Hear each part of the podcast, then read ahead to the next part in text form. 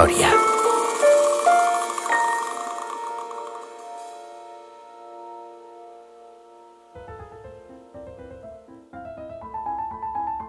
A tothom, qui més qui menys, li agrada la música, sigui d'un estil o d'un altre, i és probable que molts de vosaltres, a més de gaudir escoltant-la, també estigueu aprenent a tocar el piano, o la guitarra, o la flauta, o el violí, o qualsevol altre instrument musical. Si heu estudiat música i toqueu un instrument, deveu saber que no és fàcil. S'hi ha de destinar moltíssimes hores practicant i estudiant per fer-lo sonar bé. De fet, la carrera de músic demana molts anys d'esforç i constància i molt poques persones s'acaben dedicant totalment a la música quan són grans. Doncs el nostre protagonista d'avui, quan només tenia 4 anys, ja tocava el clavicordi, un instrument que era l'avantpassat del piano, i també escrivia petites obres de considerable dificultat. I amb només 6 anys ja estava viatjant per diferents països d'Europa fent concerts davant de públic. I no un públic qualsevol, no. Tocava davant de prínceps, reis i emperadors, que quedaven bocabadats. Probablement ja deveu saber a qui ens estem referint, oi? Segur que sí. Aquell nen que ha estat considerat el geni musical més gran de tots els temps va fer història. El seu nom? Wolfgang Amadeus Mozart.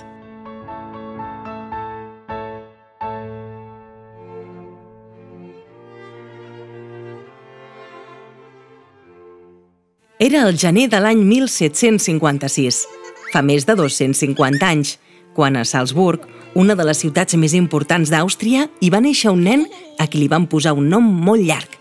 Es deia Johannes Chrysostomus Wolfgangus Theophilus Amadeus. Era fill d'Anna Maria Pertel, una dona silenciosa i de bon humor, i de Leopold Mozart, un home molt ordenat i estricte que treballava de músic a la cort de l'arcabisbe reial. Tenia una germana més gran que es deia Maria Anna, tot i que a casa li deien Nanerl, i cap dels dos no anava a l'escola. El seu pare va preferir educar-los a casa. Ell els feia de professor i els ensenyava les diferents assignatures. Com que era músic, també va començar a ensenyar a tocar el piano a la Nanerl, que des de ben petita ja va mostrar aptituds per a la música. I un dia va passar una cosa que no s'esperaven.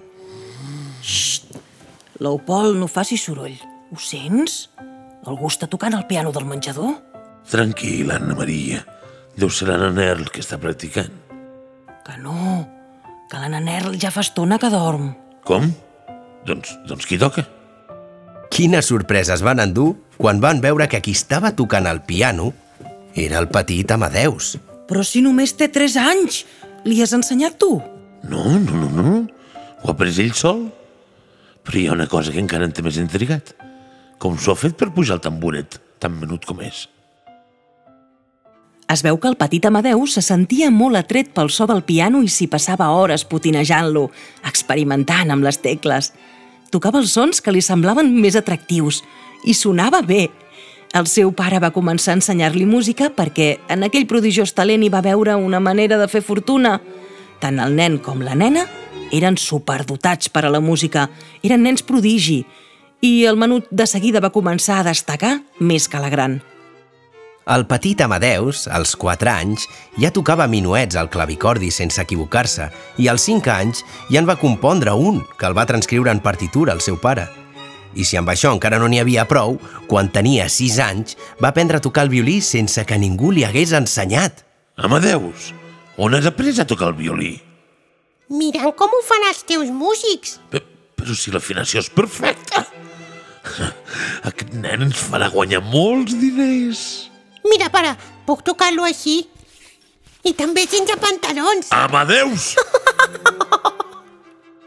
Era un nen alegre, divertit i optimista, i li agradava molt riure.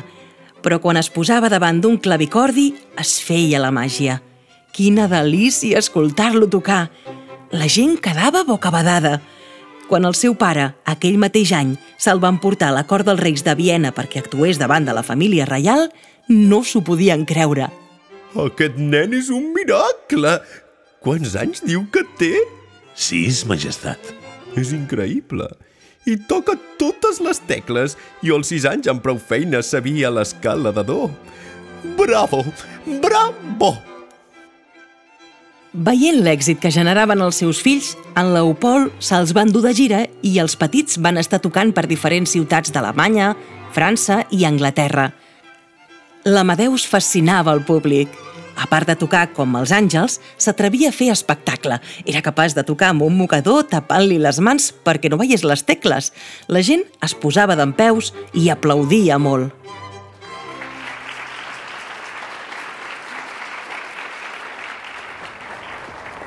Els viatges d'una ciutat a l'altra els feien en carruatges oberts. I, és clar, feia fred. I fer tants quilòmetres feia que cada dos per tres el petit estigués malalt, molt constipat. Però el seu pare no aturava les gires. Calia fer diners. Als 8 anys, l'Amadeus ja va escriure la primera sinfonia. Aquest petit no parava de sorprendre el seu pare. En aquella època, el gran centre de la música europea era Itàlia. Així doncs, en Leopold va agafar el seu fill, que llavors ja tenia 13 anys, i se'l van portar allà a fer una nova gira. Seguien els concerts amb èxit i com que a l'Amadeus li agradava cridar l'atenció, seguia posant espectacle als seus concerts. I el seu pare, que veia com no parava de guanyar diners, se n'aprofitava. A Bologna el van acceptar com a membre de l'Acadèmia de Música de la ciutat. Era molt excepcional en algú tan jove. El diumenge de Pasqua del 1770, l'Amadeus, amb 14 anys, va tocar davant del papa de Roma i tan meravellat va quedar que li va concedir l'honor de ser condecorat com a cavaller de l'Ordre de l'Esperó d'Or. Però va marxar del Vaticà amb alguna cosa més. Pare, què era aquella música que han cantat per a nosaltres? Un miserere, una famosa peça coral que està prohibida interpretar-la fora del Vaticà. Les partitures les guarden en secret. Molts músics les voldrien. Ah, doncs ja te l'escric. Com dius? Que ara et passo la partitura. L'he memoritzat. Quan acabava els concerts d'aquestes gires que muntava el seu pare, a la nit, als hotels, escrivia la música que a ell li agradava. Una música pràcticament perfecta. Però tant anar amunt i avall portava conseqüències. Va tenir la varola, una malaltia infecciosa que podia provocar la mort. Quasi es va quedar sec, però per sort es va recuperar. Als 17 anys el va contractar l'arcabisbe de Salzburg com a músic de cambra. En aquella època, quasi tots els músics treballaven per algú. La música es feia per encàrrec. Però ell no hi estava a gust. Creia que li pagaven massa poc i a part odiava que li donessin ordres i que li limitessin la creativitat. A més, l'arcabisbe el tractava com un vulgar servent. Mozart escriu una missa. Un altre? No em ve de gust. Ara vull escriure una sinfonia. Et dic que escriguis una missa. I jo et dic que em llepis el cull. Com? A Mozart li feia molta gràcia tot el que era escatològic. Fins i tot va arribar a escriure un cànon que es deia Leg mich im Arsch, que literalment significa això, llepa'm el cul. Les discussions amb l'arcabisbe eren constants. Fins i tot un dia el van haver de treure d'allà amb una puntada de peu al cul. I el seu pare, que era molt recte, possessiu i estricte, el criticava constantment. L'Amadeus es va afartar de tot plegat. Amadeus, t'has de comportar. Em comportaré com vulgui, pare. Deixa'm fer la meva vida. Als 21 anys va deixar aquesta feina, far de l'arcabisbe, far de Salzburg i far del control del seu pare. I van a París i a Munic, a veure si el contractaven. Anava de ciutat en ciutat i tenia moltíssim èxit. Però en lloc aconseguia una feina fixa. Era un gran músic, però tenia un caràcter diferent de la resta. De vegades una mica infantil, amb arrencades de bogeria, que costava que la gent entengués. Finalment es va instal·lar a Viena com a músic independent, sense treballar en exclusiva per un rei o una cort o un bisbe.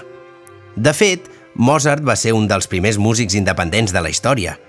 Un dels primers músics que escrivia el que volia, no només el que li encarregaven. Es va fer famosíssim com a compositor i com a pianista i va guanyar molts diners. Fins aquell temps, totes les òperes s'escrivien en italià. Doncs Mozart va escriure la primera en alemany. En escoltar-la, l'emperador Josep II li va dir Està bé, està bé, però té massa notes, no? Massa notes, majestat? I quantes notes exactament hauria de tenir? Uh, Digui'm el nombre exacte, que així n'aprendré.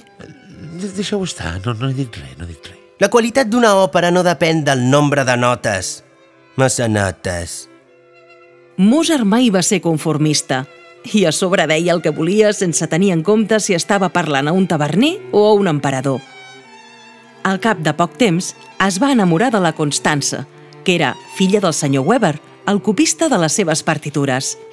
El copista era qui feia això, les còpies de les partitures perquè la tinguessin tots els músics. Recordeu que fa 250 anys no hi havia fotocopiadores. I de seguida Mozart i la Constança es van casar. El pare de Mozart no va aprovar aquest matrimoni i Mozart, far del seu pare, va decidir tallar relacions amb ell. A part de tocar i compondre, Mozart també estudiava. Estudiava les partitures de grans músics que l'havien precedit, com Bach o Händel, i això encara l'inspirava més i no parava mai d'escriure música nova. Va escriure un parell d'òperes que van ser tot un èxit, Les noces de Fígaro i Don Giovanni. Després d'uns anys a Viena pel seu compte, l'emperador Josep II li va donar feina estable com a compositor de cambra, però no li encarregava obres. Només el volia per lluir davant de tothom que ell tenia aquest músic prodigiós. Aquest emperador és un capsigrany. Constanze, em penso que l'aviaré. Amadeus pensa que és una feina fixa. M'avorreixo com una ostra a la cor d'aquest peix bullit. Tu aguanta, fes un esforç, que necessitem els diners. Tot i tenir uns bons ingressos econòmics, la parella a casa tenia molts deutes, sobretot perquè Mozart es gastava molts diners en apostes en joc, al billar i a les cartes.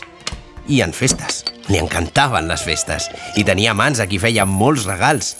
Ell i la Constanza van haver de vendre alguns objectes de valor per poder pagar deutes.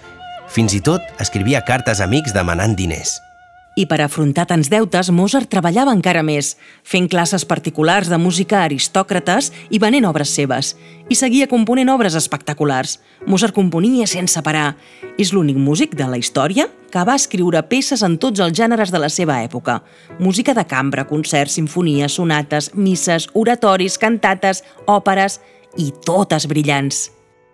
Quan l'emperador Josep II va morir, Mozart va demanar feina al nou emperador, però el nou governant ja li havia donat feina a un altre compositor, Salieri.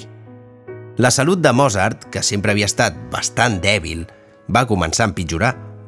Va escriure l'òpera La flauta màgica i va ser un èxit rotund. Fins i tot Salieri es desfeia en elogis. Aquesta òpera de Mozart és una de les seves composicions més rodones. Posava música a un conte de fades ple de fantasia, misteri, màgia, amor i humor. Hi ha personatges divertits, com el Papageno, i d'altres de dolents com la reina de la nit. Els protagonistes, els prínceps Tamino i Pamina, tenen un munt d'aventures i al final el bé triomfa sobre el mal.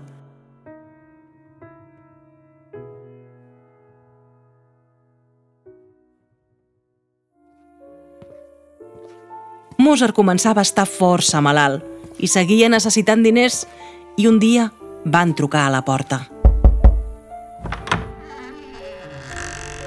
Bona nit.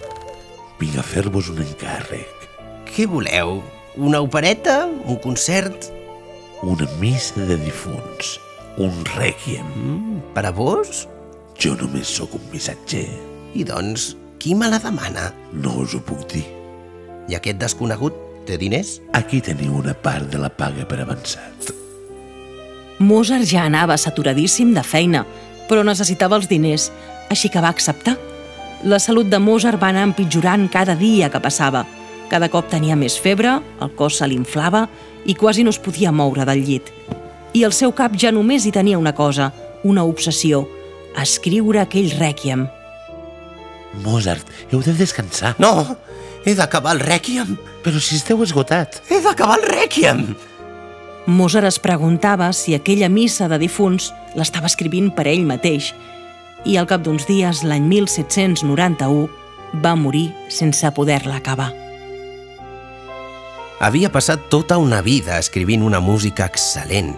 Tenia més de 600 obres escrites de tots els gèneres possibles, música que avui dia segueix sent brillant, perfecta. I tot això ho va fer amb tan sols 35 anys de vida. Després d'ell hi ha hagut músics molt bons i molt reconeguts, però cap de tan genial com Wolfgang Amadeus Mozart, un prodigi de la música que segurament no es tornarà a repetir i que va fer història.